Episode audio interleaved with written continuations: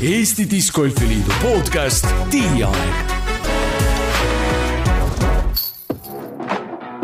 tere tulemast kuulama Tutsket ja Tutikat discgolfi taskuhäälingut. mäng pole läbi enne, kui viimane ketas on korvis. mäng algab tiiajaga. omamoodi mängleb saadegi läbi Eesti discgolfi loo, mille finišijooneks sel hooajal on Euroopa meistrivõistlused augustikuus Tallinna Lauluväljakul toimuvale suursündmusele ootame palju uusi pealtvaatajaid ja just neile see saade ongi. avame mängu olemuse, võistlussüsteemid, reeglid ja alustajad ning palju-palju muud koos asjatundlike saatekülalistega mul on hea meel tervitada tänaseid saatekülalisi. Need on kaks ähm, imelist meest, kes on väga palju Eesti discgolfi panustanud, sellest kuuleme õige pea, mis nad siis teinud on. tervitame siin äh, Rainer Lipand, kes on ka Eesti PDGA koordinaator ning Marko Saviauk, kes on loonud meie Eesti discgolf metrics süsteemi. mis need kumbki tähendavad, sellest kindlasti siin saate jooksul räägime. tere tulemast! tervist! tere! Väga meeldiv, et äh, olete siin ja nagu ikka, alustame sellega, et ähm, kuidas teie discgolfini jõudsite, Rainer, alustame sinust. minul oli selline lugu siis, et äh, mm, põhimõtteliselt mängisime videomängu sõpradega, et Nintendo Wii peal oli selline mäng nagu Frisbee golf teiste sportide seas ja meile see oli üks lemmikuid. ja siis mina olin natuke kas ma olin kuskilt kuulnud, et äh, seda ka Eestis on võimalik mängida või ma läksin guugeldama lihtsalt puhtast huvist, et et see on päris huvitav nagu ja tuli välja, et Keilas oli rada sel hetkel, see oli kaks tuhat kaksteist aasta, keset suve ja, ja, ja, ja sellest sai see alguse, et me läksime neljakesi, needsamad noored, noored mehed või noh, sel aastal, no kuidas kunagi, eks ju, kes, igal juhul me läksime mängima, kõigile meeldis ja jäimegi mängima. siiamaani mängivad kõik neli tükki, nii et äh, see oli siis videomängude kasulikkusest natuke väike näide. Marko, sinu kohta, kuidas sina oma tee selle alani jõudsid? Kunagi Maxi Marketis nägin laste discgolfi komplekti. Ah. seal olid väiksed rõngad, rõngastel oli, olid kohe mingisugused võrgud, pisikesed kettad olid, need panin aeda ülesse, tegin ise oma raja, minu meelest ma sain viis nii-öelda rõngast tehtud, need ei olnud korvid, rõngad olid, kust oli sisse visata siis me paar suve seal mängisime maja ees, kõik um, suvepeod läksid uh, nii-öelda nimetame seda laste discgolfiks, ma ei tea, milleks see et selle tähe all, aga ükskord äh, koer näris kõik ketted ära mul, mul ei jäänud mitte midagi järgi. ja hakkasin siis otsima, et noh, kus ma siis uusi saan, et, et jube äge mäng on. ja, ja leidsime siis ähm, diskbordi poe ja tellisin kolm esimest ketast noh muidugi, lo-, käisin, loopisin ja mõtlesin, ma olen maru kõva vend, et, et kurat, ma oskan seda mängu, et et kuule, äkki on mingi võistlus ka kuskil, et noh, kuidas teistel läheb, et noh, peab olema ju, et noh, et ja, ja siis leidsin, et Keilas on ähm,, korraldatakse nädalamängu, kaks tuhat üksteist oli see aasta. ja Jaanus Väljamaa võttis mu vastu, jäin kui kümme minutit hiljaks on poisiga. aga ta laskis mind ikka rajale, ütles minge, mine mängi et eh, noh, vaatas mulle otsa, et esimest korda on okei okay,, et aga maru põnev oli. Et eh, need, kuidas mul kettad üle pea lendasid eh, teiste mängijate poole pealt, ma sain aru, et ma ikkagi väga mängida ei oska ma ütlekski, et Jaanus Väljamaa on legendaarne, ta oli eelmise saate külaline, et äh, ka mina samamoodi jõudsin esimesele võistlusele läbi tema, et seal Keilas, ma arvan, kui ma kolmandat, neljandat või viiendat korda mängisin, sattusin temaga koos korraks mängima, siis ta ütles, kuule, et järgmine neljapäev on meil see ketas kätte, et niisugune algajate võistlus, et tule, tule ka, et see ei ole seal kõige halvem nagu. et, et noh, samamoodi, Keila ikkagi tol hetkel, Nõmme rajani oli tol hetkel paar kuud veel aega, nii et puhas Keila on see Tallinna kandi discgolfi alus nagu noh, ega siin peale Keilat siin lähedal midagi muud ei olnudki, et oli Keila ja mitte midagi rohkem. nii et kaks tuhat üksteist äh, Marko avastas esimest korda võistluse, see tähendab, et need äh, Prisma kettad leidsid juba kaks tuhat üheksa siis, sain ma õigesti aru? midagi sellist, jah. ja, ja Rainer avastas kaks tuhat kaksteist. nüüd sina, Marko, olid selle Discgolf Metrics äh, süsteemi looja, kus meil täna on kõik võistlused kirjas. tol hetkel, kus sa selle võistluse leidsid? Ma arvan, et e-spordi kodulehekülgel oli kirjas see. jaa, kusjuures tollal ei olnud ka Facebook nagu olemas nagu sellisel kujul, nagu ta praegu on discgolfi community aluseks, siis oli Discsporti foorum mm., absoluutselt Discordi foorum oli see kõige kõvem koht, kuhu mina ka lendasin kohe, kui mul see huvi tekkis ja seal suureks nagu sõnavõtjaks sain nagu, et et see, see oli huvitav jah, ma arvan, et Facebook võttis selle üle kuskil kaks tuhat neliteist äkki ja Foorum suri välja tegelikult praktiliselt. kuule, minu meelest sina oled süüdi selles. Nojah, dis-, Facebook oli nagu kuidagi lihtsam võib-olla, kuigi jah, Foorumi päevad olid ka toredad. Ma korra täpsustan veel, et see diskport, see on seesama, mis eelmises saates oli jutuks, Mengeli, Rene Mengeli loodud veebiplatvorm siis, veebipood oli esialgu ja selle raames siis oli nagu see foorum. Ja, ja Einar Elbing ja Rene Mengel olid kahekesi jah, selle aluseks ja kordamööda nad võtsid Eesti meistritiitleid ja olid nagu tõesti nagu selle algusaja sellised Eesti heerosed väga vahva.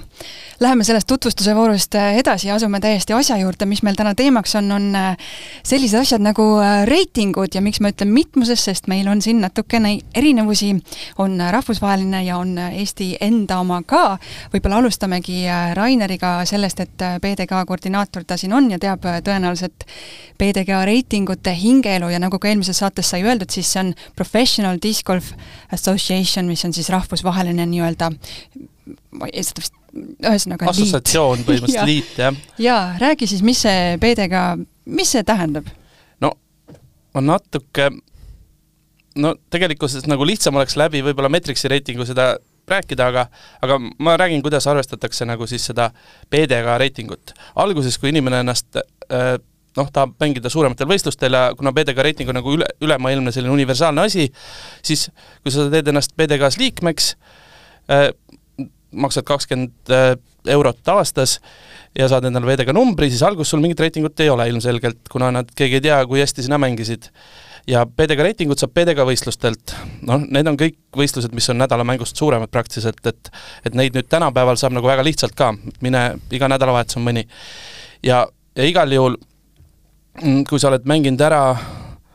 paar võistlust põhimõtteliselt, siis sul see keskmine nagu PDK reiting tekib. ja nüüd see, kuidas üldse PDK reiting nagu ajas liigub, on see, et äh, seal võrreldakse mängijate omavahelisi nagu, kuidas mängijad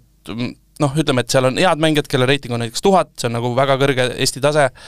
siis on harrastajad tublid üheksasada ja siis on algajad võib-olla kaheksasada reitinguga. Ja kui nüüd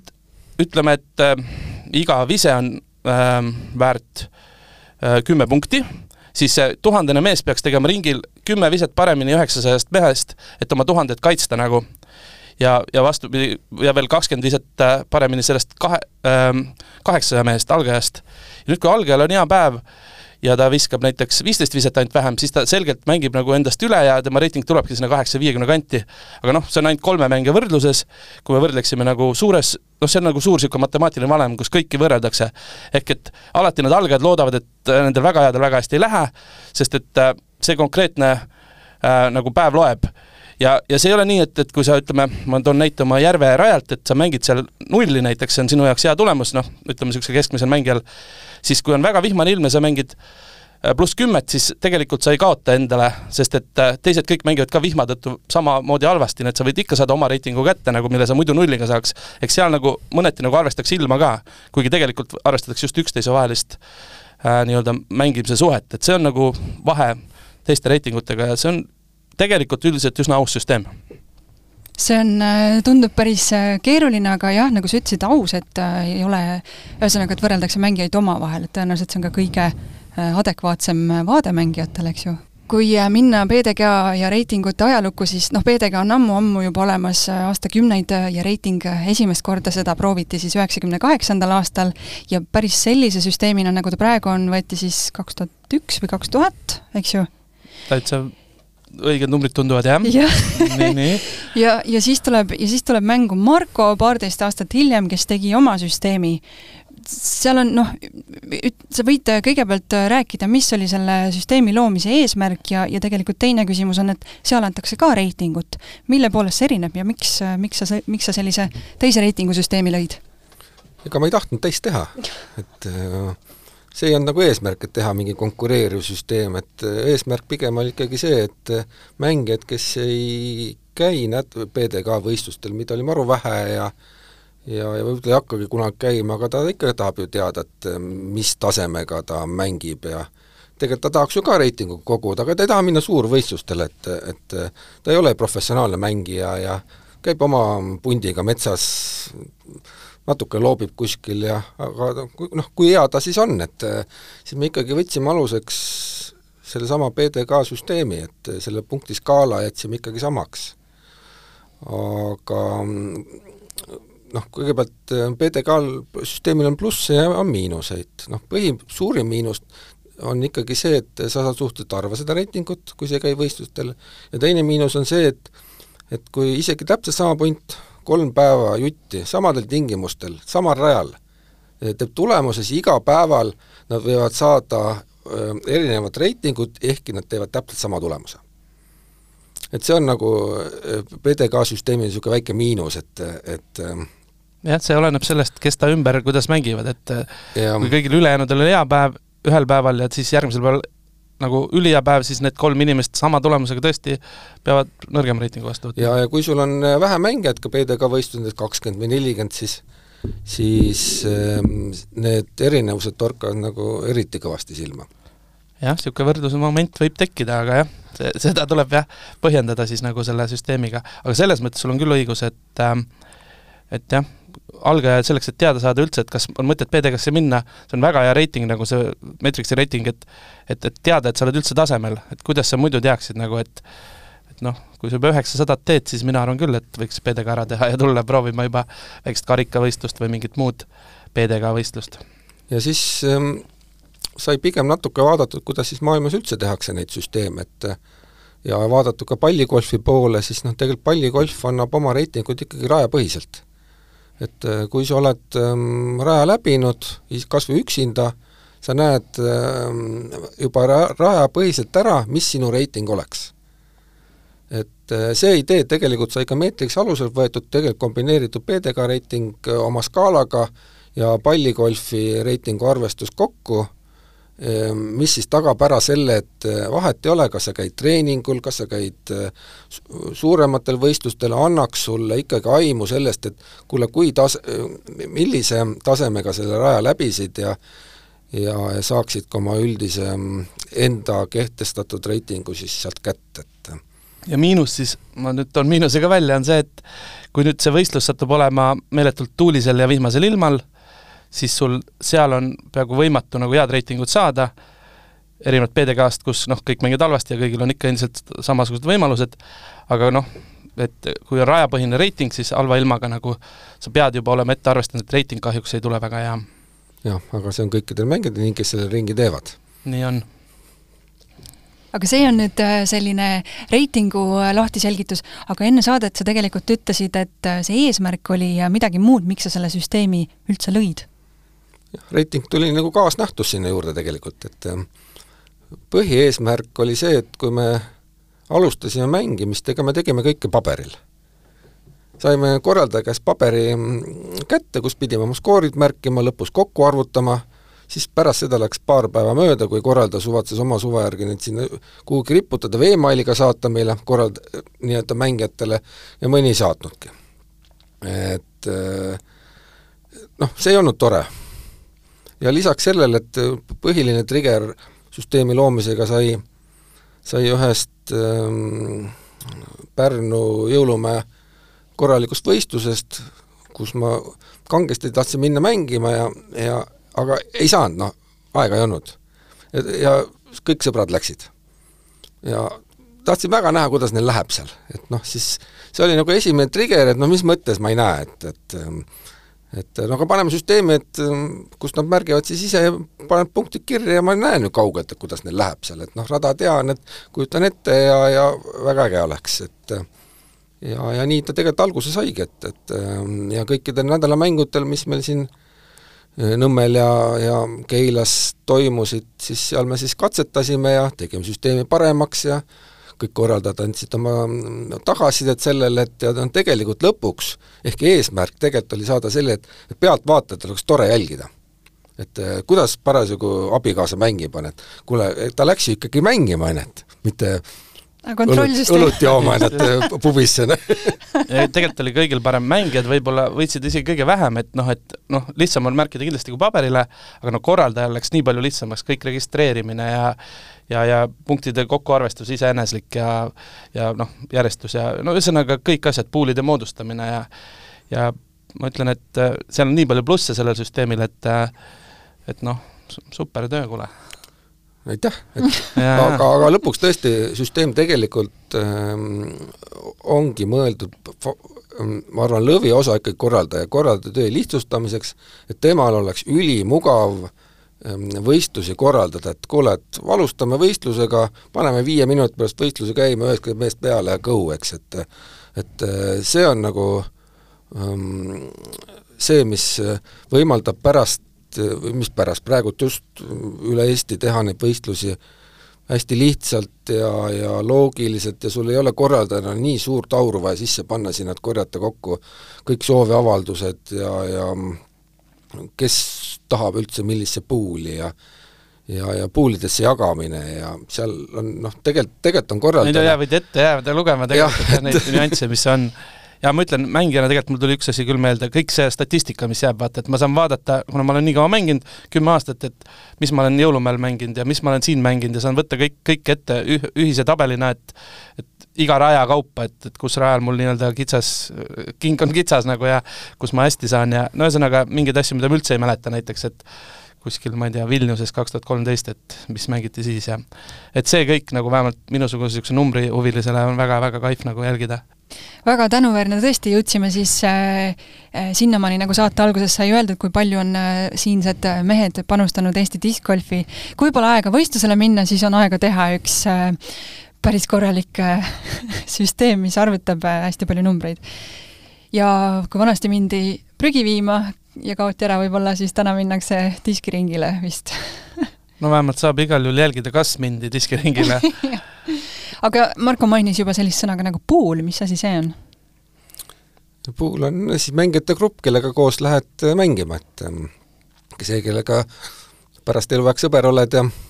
golfi termin jah, aga eks ma üritan ise ka grupp alati öelda, aga kui omavahel räägid, ikka tuleb see pool nagu sinna sisse nagu, et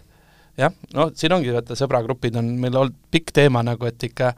et inimesed nädalavõistlustel tahavad mängida sõprade kaupa, noh, et see, see on midagi, mis minu jaoks, mulle meeldib võõrastega mängida, ütlen ausalt. on alati uus, uus kogemus nagu. ja nagu eelmises saates jutuks tuli, Jaanus ütles, et ta poleks elu sees uskunud, et tal on üle Eesti näiteks sada sõpra, eks ju, et see tõesti toob äh, uusi tuttavaid väga palju äh, juurde. aga sa ütlesid ka, et äh, üheksakümmend inimest, miks just üheksakümmend? see on üsna lihtne põhjendus, et ähm, tihtilu-, mis tihti, et tavaliselt on rajal kaheksateist korvi, et kui ühte puuli, ühte gruppi, kes siin rajal läheb, mahub maksimaalselt viis inimest, kaheksateist korda viis annab üheksakümmend mängijat. jäid nagu kahtlema korraks no kuna matemaatikat minu eest tavaliselt arvuti, siis jah, see on ka selline etiketi, isegi kui te tavaliselt lähete noored mängima, siis viis võiks olla grupis, mitte rohkem. et see on selline, siis on, siis on nagu rajal, teised ei pea teiega järgi ootama reeglina, nii et jätke see number meelde. või kui te mängite paaris mängu, võib ka kolm paari olla, et see on sama kiire kui viis üksikmängu, võib-olla isegi kiirem. nii et et mina panen südamele, et ärge siis kaheksa ja kümnekesi käige, et tehke kaks gruppi parem, saate ise ka kiiremini jah, eks see ootamine natukene rajal võib-olla tõmbab eh, noh, jahtub, keha jahtub maha ja võib-olla kaotad oma mängujärje ära, et eh, tõesti liiga suureks ei tasu seda gruppi ajada ja kui te tahate etiketist natuke rohkem teada, siis eh, Eesti Discgolfi Liidu lehel on need täiesti olemas sellise alamlehe all nagu Mis on discgolf, väga loogiline ja kindlasti leiab internetist ka veel väga-väga palju rääkisime korraks siin veel ka, Rainer mainis tuhande piiri ületamist, kui me nüüd natukene spekuleerime ja prognoosime, et äh, mõned aastad tagasi ma mäletan, ma ise tegin veel uudiseid, et oi, et äh, Mattias Villot ületas tuhande piiri ja me räägime siin hetkel siis PDK reitingust, et, et see oli niisugune väga suur äh, asi, mis tähtsus või kaal sellel tuhande piiril täna on? mina ütleks, et see on see, et kui me saame oma Eesti discgolfi tippe ennekõike, noh, kõik ülejäänud saavad ka, aga võrrelda nagu maailmaga, ütleme, tuhat ei ole veel nagu midagi nagu päris tippu, aga see on juba selline, ütleme, Euroopas oled sa juba arvestatav mängija, võiksid Euroopas ikkagi tuuritada, kui sul tuhat käes on. meil on neid kolm-neli tükki ja, ja maailma tipud on äh, tuhande viiekümne juures. meil oli siin eelmine aasta siis neli inimest üle tuhande viiekümne, vahepeal nüüd nad kukkusid tagasi, neid minu arust ei ole nii palju, üle tuhat, tuhat kuuskümmend üks või tuhat kuuskümmend on see rekord, kui ma õigesti mäletan, võib-olla ma nüüd ajan pada, aga aga igal juhul mitte rohkem. ehk see nagu, kui meil siin Albert sai üle tuhande kahekümne, see näitab juba, et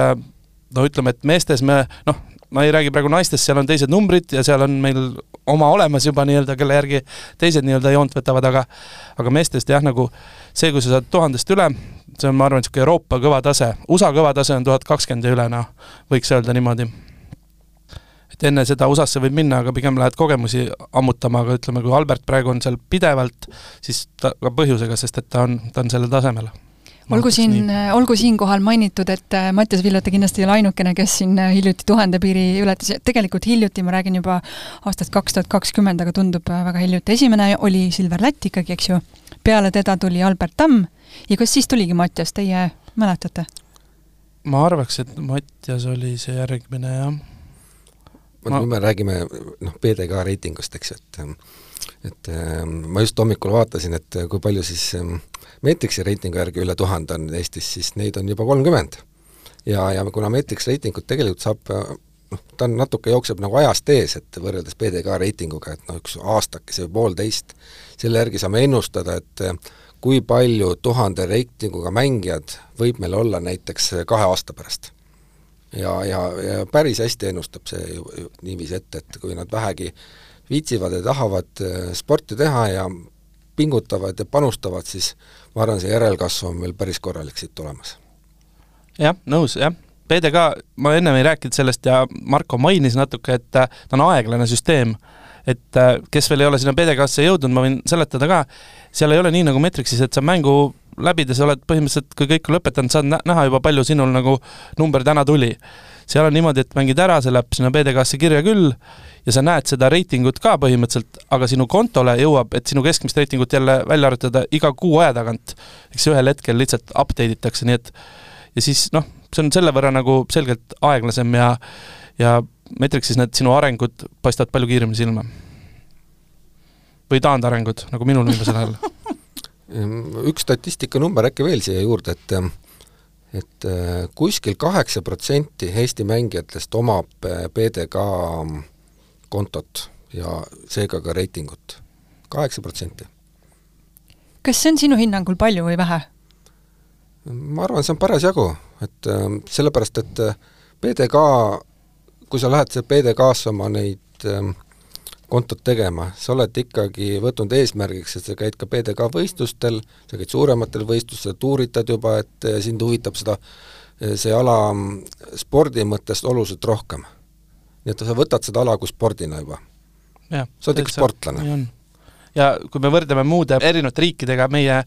numbrit nagu PTK liikmeid ja siis neid meie rahvaarvu, siis meil on neid nagu ikka palju, nagu võrreldes enamus Euroopa riikidega, et PTK liikmeid jah, per, per nagu inimene või tuleb see null koma null null mingi väga väike number, aga tuleb vist ainult Islandil on see parem nagu. Me ei peaks üldse muretsema nagu selle, selles osas, et äh, lihtsalt kui neid liiga palju tuleb, me ei jõua lihtsalt võistlusi neile kõigile teha, et see, see nagu kasutegur kaob ära, et, et ma arvan, et selline tuhat on Eesti jaoks väga hea number ja noh, me oleme siin pooleteist tuhandeni jõudnud, aga, aga aga ma arvan, et see nagu nii palju ei tõuse, et ma arvan, et pigem Metrixi kasutajate arv võiks olla see, mis tõuseb, et nii-öelda neid inimesi, kes niisama käivad mängimas nädalamängudel, millele meil noh, nädalamänge meil ikka iga, iga õhtu on mitu tükki, et sinna mahub ära küll. PDK-d on ainult nädalavahetusteti ja nädalavahetusi on meil nagu noh, vähem selgelt. sest suvi on lühike jaa, täpselt nii, nii on. et äh, talvel võistlemist on discgolfis pigem äh, ikkagi vähe. aga teeme väikese kokkuvõtte siin kuulajatele, kes äh, ei tea nendest süsteemidest mitte midagi, me oleme rääkinud hästi palju Metrix süsteemist, PDK süsteemist, reitingutest ja kõik tundub selline virvarr praegu, nii et olgu siis selge, kui te olete alustav mängija, te tahate näha ähm, enda taset siis võrdluses teiste Eesti mängijatega näiteks ja võrdluses ka Rajaga, siis tasub ennast kirja panna discgolfmetrics.com süsteemist ehk oma omale kasutaja, valite siis äh, sealt, äh, kas teete ise võistluse või lähete kuskile nädalamängule, milleni me ka jõuame siin saate lõpupoole, ja siis saategi juba äh, nii-öelda selle kohaliku reitingu ja saate näha, kus maal te olete oma arengus ja tegelikult seda on väga vahva tõesti jälgida. ja siis PDGA liikmeks võiks ennast registreerida siis, kui te soovite juba tõesti noh, kas siis Eesti suurematel võistlustel või juba ka rahvusvahelistel võistlustel osa võtta ja näha ka enda taset rahvusvaheliste mängijatega. on mul õigus, kas ma sain õigesti asjast aru? päris, päris õige kokkuvõte ja see üle hüpp, noh, hüpe ei toimugi Metrixist PD-kaasse, vaid Metrixi lik-, liikmeks jääte endiselt, et sellega on niimoodi, et osad PD-ga kõige väiksemad võistlused ei nõua PD-ga liikmesust, aga noh, näiteks Eesti meistrivõistlustele, kui teil tekib tahtmine minna, siis seal nõutakse seda lausa, et ilma selleta ei saagi. just nii räägime nüüd nendest äh, sportlastest, kes on, me korraks mainisime, mainisime juba neid, kes jõudsid tuhande reitinguni,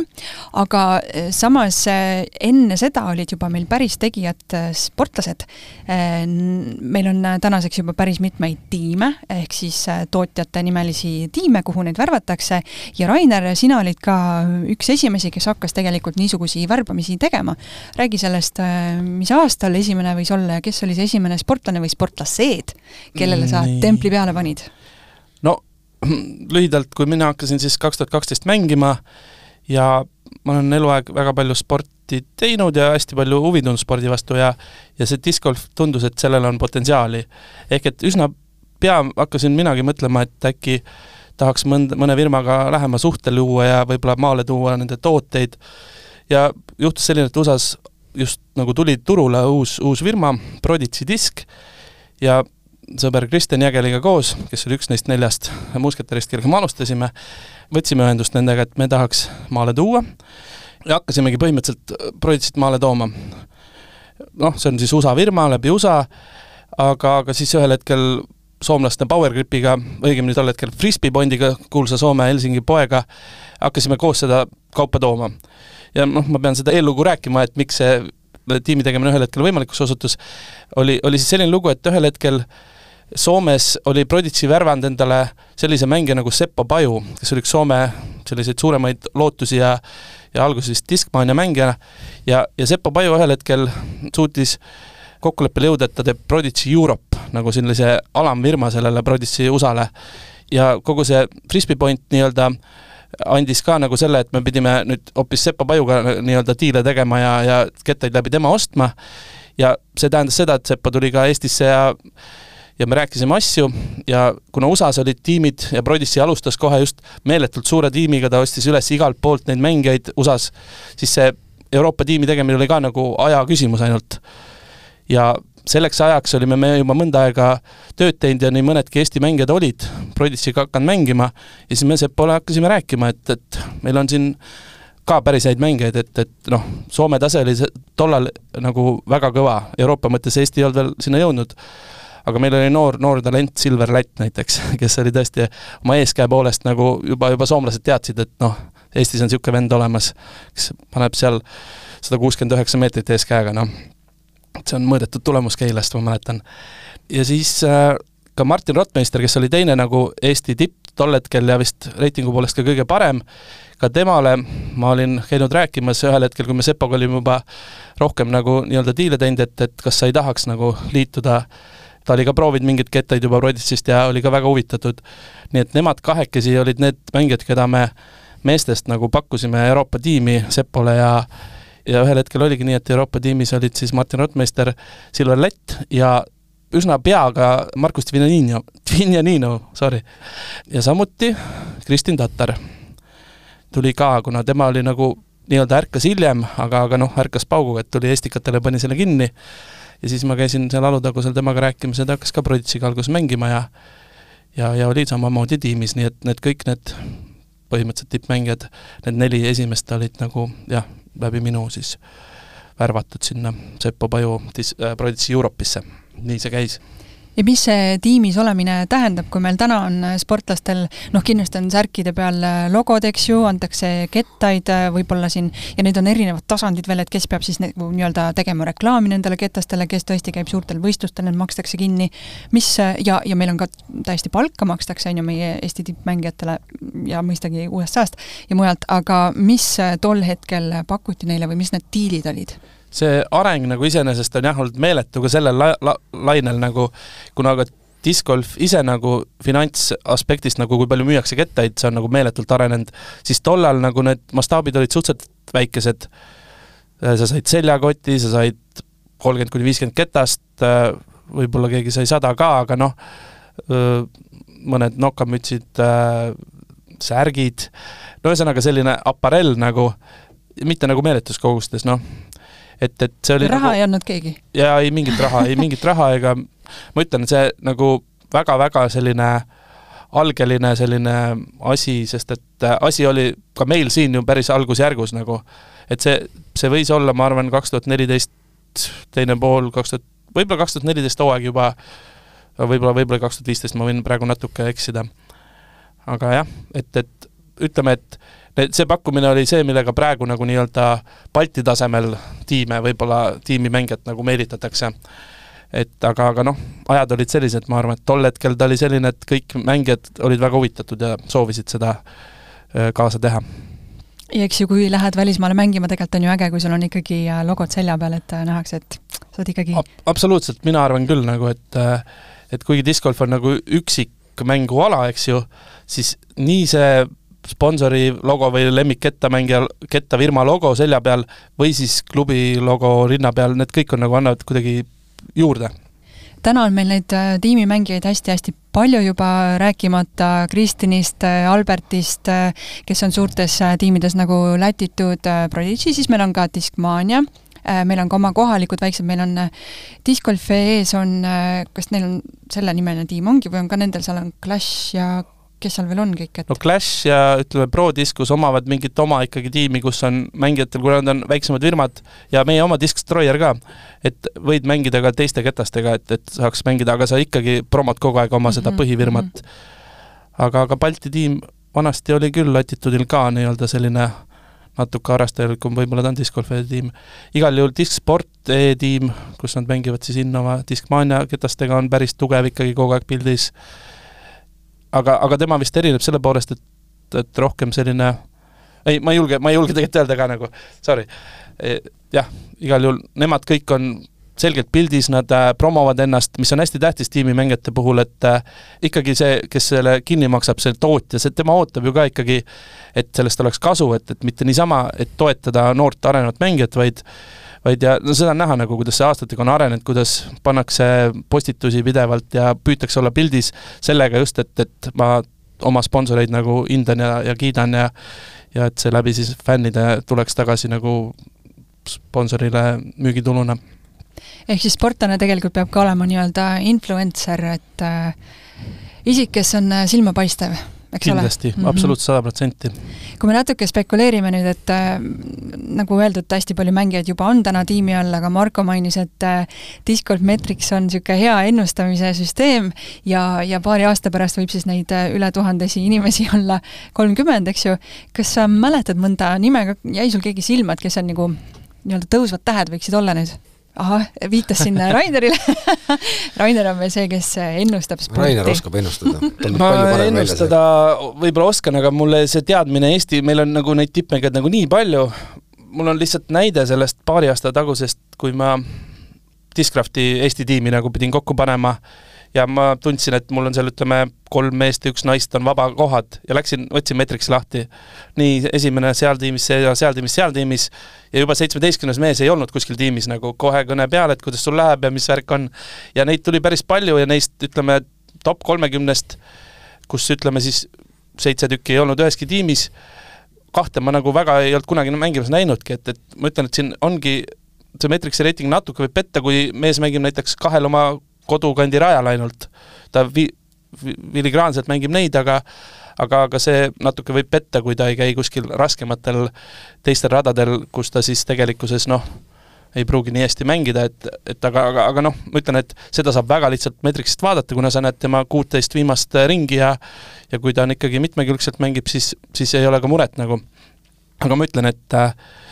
meil koondis Euroopa meistrivõistlusteks on väga pikalt juba nii-öelda paigas ja kõik, kõiki neid tippe teab, et ütleme, et sellisel levelil ikkagi sa pead olema käima juba Euroopas mänginud või noh, nagu kogemusega mängija, et saada nagu sellisele tasemele, sest nagu me nägime viimasest Euroopa võistlusest, siis eestlased on seal ka tipus, nagu Kaidi võitis ja Mauri võitis, et et et ei ole väga lihtne saada niimoodi noh, kohe sinna peale tuhande viiekümnese meetriksi reitingu pealt, et need mängijad peavad ka veel päris palju vaeva nägema. et kuigi noh, nagu tegelikult Marko ütles, et nad peavadki vaeva nägema, et selleks, et saada päriselt veel tippu nagu.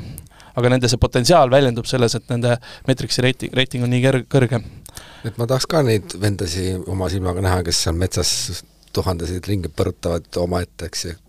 isegi siis, kui rada on tuttav, et ähm, need ei ole üldse lihtne teha, et jaa, jaa, see peab igal juhul olema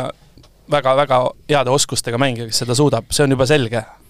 see on, ma olen nõus sellega jah, et, nad on see- igal juhul head mängijad. see näitabki nagu sellist head potentsiaali ja ja, ja et ta võib ka mujal teha väga häid tulemusi, et ja ma arvan, et siin on ka palju noori, sest et praegu meil on äh, Mattias Villota, kellest sa rääkisid, ta ei ole veel tegelikult juuniorieast väljas, seitseteist peaks ta olema, ja, ja siis on meil Ro-, Roland Kõur, kes praegu läks, homme on Belgias järgmine Eurotuur, Roland Kõur mängib seal, kes on ise viieteistaastane. ja, ja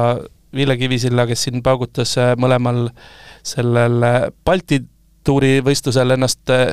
kolmikusse, esikolmikusse või jäi ühel neljandaks, teisel teiseks, tema on ka kuueteistaastane, et noh,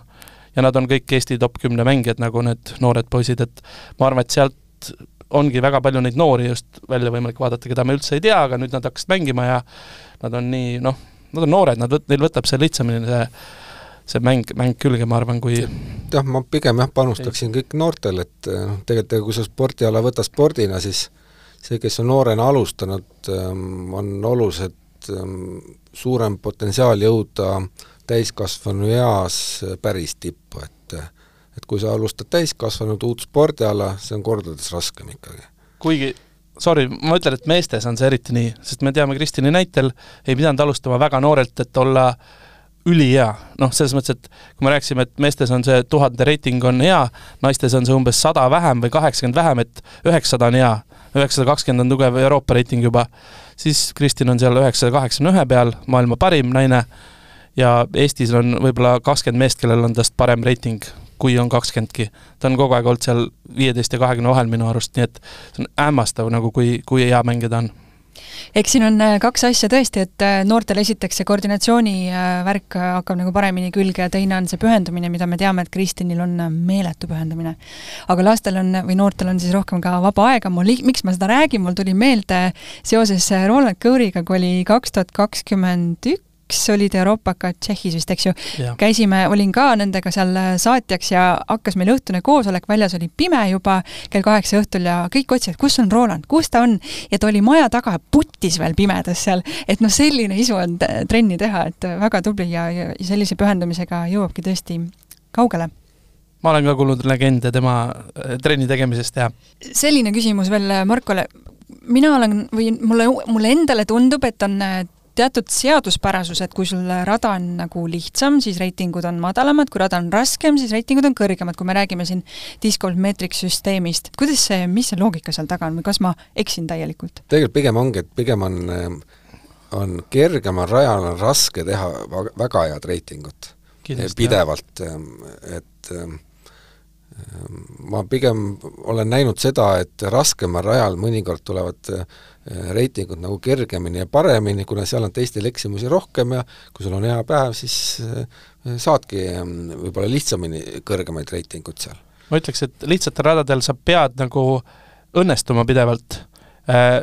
rasketel radadel sa ei tohi eksida, et seal on nagu vahe nagu sees. et nii-öelda mängida Alutagusel või, või Kõrvemaal parri, need on need rasked rajad, see on suurepärane tulemus nagu, see on väga-väga hea reitinguga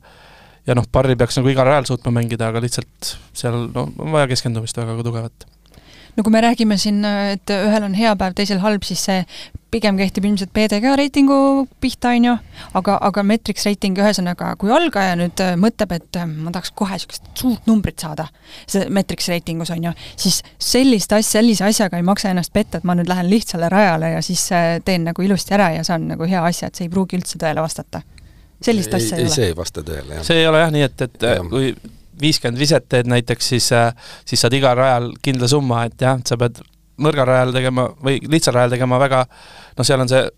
ma ei tea, parri reiting on selline asi, mille järgi võrreldakse, et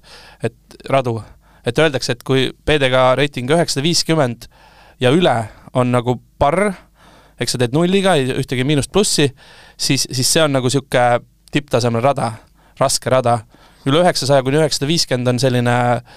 keskmise klassi rada, ütleme, ja siis sealt allapoole on lihtsad rajad. ma ei tea, kuidas see see väljendub, aga ta võiks olla sinna kanti nagu põhimõtteliselt no,. eks ta umbes nii väljendubki, et noh, näiteks ja. kui te võtate Kurna raja, mis on siin harrastajate keskmine, siis seal nii-öelda par-rating on noh, kaheksasada viiskümmend, et kui sa viskad nulli, saad sa sellise toreda keskmise reitingu, et just, ja see on väga populaarne, ütleme, algajate tüüpi rada ikkagi. Nüüd me jõudsimegi juba natukene tagasi siia Eesti radadele ja ja räägime natuke nädalamängudest need on, äh, Rainer siin enne mainis ja ma ei mäleta, kas ma eelmises saates äh, ka äkki ütlesin, et see oli üks äh, saate pealkirja variantidest, sest et nädalamäng on niisugune koht, kus tegelikult kõik saab alguse. ja ilma, et ma seda oleksin öelnud või me, me oleks sellest enne rääkinud, vist Marko enne saadet kah mainis kuidagi, et aga nädalamäng ongi ju see kõige algus. nii et räägime siis sellest, kui inimene nüüd on, huvi on, ta on ennast meetriksüsteemi kirja pannud ja selle jaoks, et nädalamängudel osaleda, ta ikkagi peaks seal olema, eks ju, sest täna me paberile ei märgi täpselt nii. siis, siis mis on see järgmine samm, eks ju? võtab lahti selle võistluse, näeb omal kodurada, paneb ennast sinna kirja ja kui ta läheb kohale, mis siis edasi saab, mida ta näeb, mida ta kogeb? Lähed kohale mitte päris selleks kellaajaks, kui võistlus algab, et see on hästi tähtis, et kui võistlused meil õhtuti nüüd hakkavad kuus, pool seitse, kell seitse, siis sa ikkagi lähed pool tundi varem, et sooja teha ja ja korraldajale märku anda, et, et ma olen kohal, et muidu on oht see, et kui sa tuled viis minutit ennem, siis kümme minutit ennem on korraldaja nagu registreerimise lukku pannud, et noh, inimesed lähevad ju rajale ka, et, et et võetakse sind maha, et seda jumala pärast ärge tehke, et minge natuke varem kohale ja leiad korraldaja, mm, vaatad, et sa oleksid õigel rajal, mille sa oled valinud, tavaliselt saab valida, või kui ei saa valida, siis korraldaja ütleb sulle, kuhu rajale ta sind pani, see on kõik nagu vastavalt juhendile sa saad seda, seda vaadata, et kas sa saad ise valida või ei saa. ja edasi nagu maksad raha ära ja, ja palju maksma peab? palju maksavad? nii, palju maksavad nädalamängud tänapäeval? ma vist enam väga palju alla viie ei ole näinud, et see ring maksab viis eurot enamasti, mõnikord kuus, mõnikord seitse. viimastel aastatel on minu meelest see inflatsioon väga kõva olnud isegi, isegi üheksat olen märganud. Äh, reeglina tegelikult vist nädalamängu nii-öelda, seal on seal on nagu kaks asja, seal on nagu nädalamängu hind, mis on nüüd viie euro puhul näiteks neli eurot reeglina, aga ühe euro võtab korraldaja sult selle eest, et et selle, seda nimetatakse hole in one potiks nagu, et, et ühega sissevise. et igalt ühelt, ütleme, meil on viiskümmend inimest, võetakse üks euro ja kui keegi viskab nüüd sisse, siis ta saab viiskümmend eurot endale korraldaja käest. eks see, see on nagu kohustuslik sissemaks reeglina selle viie, kuue või seitsme euro sees ka olemas nagu ühesõnaga niisugune alla kümne niisugune, ütleme kommiraha, taskuraha, et ei ole midagi konti murdvat, et tohutu väljaminek oleks äh, nädalamängudel käimine? ega, ega jah, ühekordselt kindlasti mitte, aga ka üleüldises mõttes see kui sõltuvus tekib, siis on juba jaa, aga, aga no ma ütlen, et see on ülimalt tähtis asi, selleks, et sa edasi areneksid oma mängus. et see, kuidas sa näed, kuidas teised mängivad neid samu radu, mida sina oled harjunud mängima, võib-olla hoopis teistmoodi või või, või, või ka reeglite osas, sa saad nii palju infot kohe nagu paari mänguga, et, et see on, see, see võtab sul nagu selle noh, paar mängu võtabki pinge maha ja siis sa hakkad veel tegema veel häid tulemusi ka võistlusel. reeglina esimesed paar mängu on niisugused väga shake'id, aga aga see ongi see, et sa lähedki sinna põhimõtteliselt õppima ja mis õppima, mina küll ei lähe õppima sinna. No.. sa oled ikka mängima ja võistlema siin nädalamängul. ma arvan, et siin on erinevad minu meelest, et ähm, see on, see on see koht, kus sa ikkagi lähed tõestama, et sa oled teistest parem kõigepealt, on ju, et noh, okei okay,, sa saad pärast tappa sellega, et oma suhtumisega, et noh, saad aru, et sul on ikka pikk ruum tee minna, aga sa oled ikkagi ju no, võistlema, jah. ja sa, see annab lisamotti, kui sa saad tappa, ma arvan, et siis sa vaatad, oota, mismoodi see vend must parem oli ja ja lähed, käidki tal järel ja vaatad, aa, niimoodi hoopis peab viskama siin. Ja nii edasi ja nii edasi. et äh, jah, ma arvan, et äh, ta mitmet pidi mõjub väga hästi nagu, saad väga palju head infot ja ja, ja kui see sul jääb jah küll, see nagu tuleb see nälg, et ma tahan homme ka minna ja ülehomme ka minna, siis varem või hiljem sa noh, jõuad, jõuad oma arengus edasi, hakkad mõtlema PDK-dele, noh, kui need esimesed niisugused auhinnavõidud tulevad, et noh, reeglina seal esimesed ma ei tea, kolm saavad auhindu või vastavalt tavaliselt on osavõtjate arvu järgi see, et, et kui sa jõuad sellele tasemele, see nälg nii-öelda või isu, isu kasvab just. et, et siis on juba, siis hakkabki see PDK mõte juba peale tulema, et läheks käiks prooviks Eesti parimatega ka kuskil Alutagusel või, või aga kui noh, mäng, rääkida ka nädalamängust kui mängija vaatevinklist, siis tegelikult on sinna minek väga lihtne, et äh, registreeri ennast ära, lähed kohale ja sind pannakse siis, äh, öeldakse, mis raja pealt alustad ja ehk siis pannakse sinna puuli? pannakse sind puuli. puuli, just nimelt, puul või grupp on siis ja, ja olgu ka võib-olla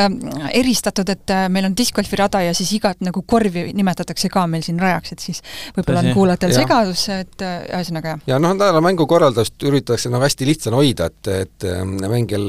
ongi tõesti mõte, et kuule, tunni aja pärast on kuskil mõni tore võistlus, oh, ma lähen nüüd, eks, et üheksakümnel protsendil juhtus see toimib, aga meil on mõned võistlused, mis saavad varem täis.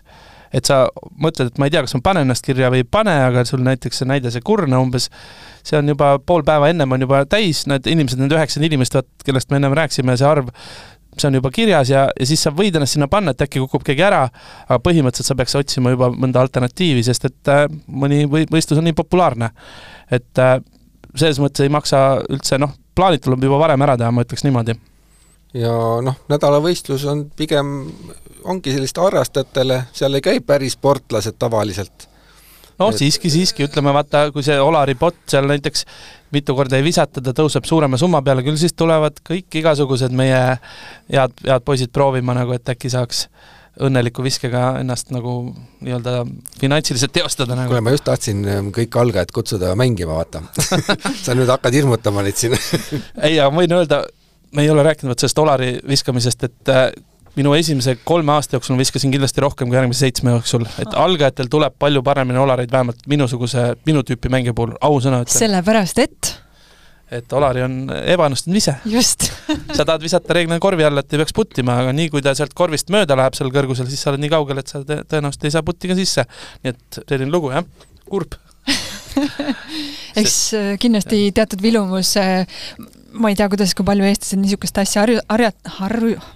harjutavad. aga näiteks äh, mõnikord mõne USA mängija sotsiaalmeediat vaadates ütlevad, et nii, nüüd ma tahan siin topsi visata ja viskavadki. Et äh, ma ei tea, kas see on siis kümme teiki on seal tehtud või siis nad tegelikult ongi tõesti väga vilunud ma arvaks, see on filmitrikk nagu see on, see on sotsiaalmeedia. kohv vastu laupa tõenäoliselt, no ei, no see ei ole nii lihtne nagu, ma ütleksin jah et äh, ei no meie puhul ei ole lihtne, aga vaata, Silver Rett on ammu juba lõpetanud kokkulugemise ära, mitu Olarit ta saanud on. absoluutselt, jah. mis no, suurusjärku see jääb, mis, kus sa nagu lugemist enam ei jaksa teha see oleneb inimesest, ma arvan, kes äh,, kui hea lugeja on nagu ja kellel noh, kui hästi tuleb nagu, aga Silver jah, ma olen kindel, et tema ei loe Marko vist loeb siiamaani Narits on see kümme, on see kakskümmend, on see sada? ma arvan, et ikka sada, ikka, ikka sada, jah. noh, need, kes on ikka mänginud kümme aastat, sest jah, minul lõppes see ikka otsa, ma olen vist, pole kahekümnest üle saanud, ma kardan praeguseks. võistlustel kindlasti mitte, aga noh, ma ütlen, et ma ei ole ka tippmängija. Võtame siis kokku ka nädala mängud, kui sa oled alustav mängija, siis kasutegur nädalamängule minnes on näiteks, sa saad väga palju teada reeglitest. Ja ühtlasi olgu siin ka öeldud, et kui näiteks mõni kaasmängija üritab sind õpetada, siis ära kindlasti võta seda targutamisena, vaid tõesti, see on arendav. Ja tegelikult meie koodeksis on ka kirjas, et kuidas see nüüd täpselt seal sõnastus oli, aga ühesõnaga Äh, jaga teadmisi või, või, või õpeta nii-öelda järglasi. nii et äh, kindlasti teadmised, äh, reeglid, ma arvan ka võistlushirmust ülesaamine, et kui, kui sind ikkagi huvitab see mänguala ja, ja tulevik on võib-olla rahvusvahelised võistlused, siis see nädalamäng on niisugune hea proovikivi, kus sa saad siis selg seljaga või külg, külg külje kõrval minna oma konkurentidega ja, ja teada siis, kuidas sinu see sportlase ärevus hoopiski tööd teeb ja toimib. nii et äh, nädalamäng on kõige algus, kõik, kes äh, tahavad vähekenegi, vähekenegi proovida, siis äh, minge discgolfmeetriks.com lehele, registreerige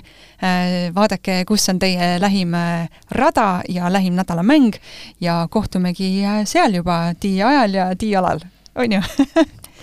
aitäh teile, saatekülalised Rainer Lipand, Eesti PDK koordinaator ja Marko Saviauk, kes kogu selle Discord Metric süsteemi lõi, aitäh! aitäh, aitäh sulle, Silja! suur aitäh kuulamast! tiiaeg on tänaseks läbi ja kohtume järgmisel ringil. Eesti Discgolfi Liidu podcast Tiiaeg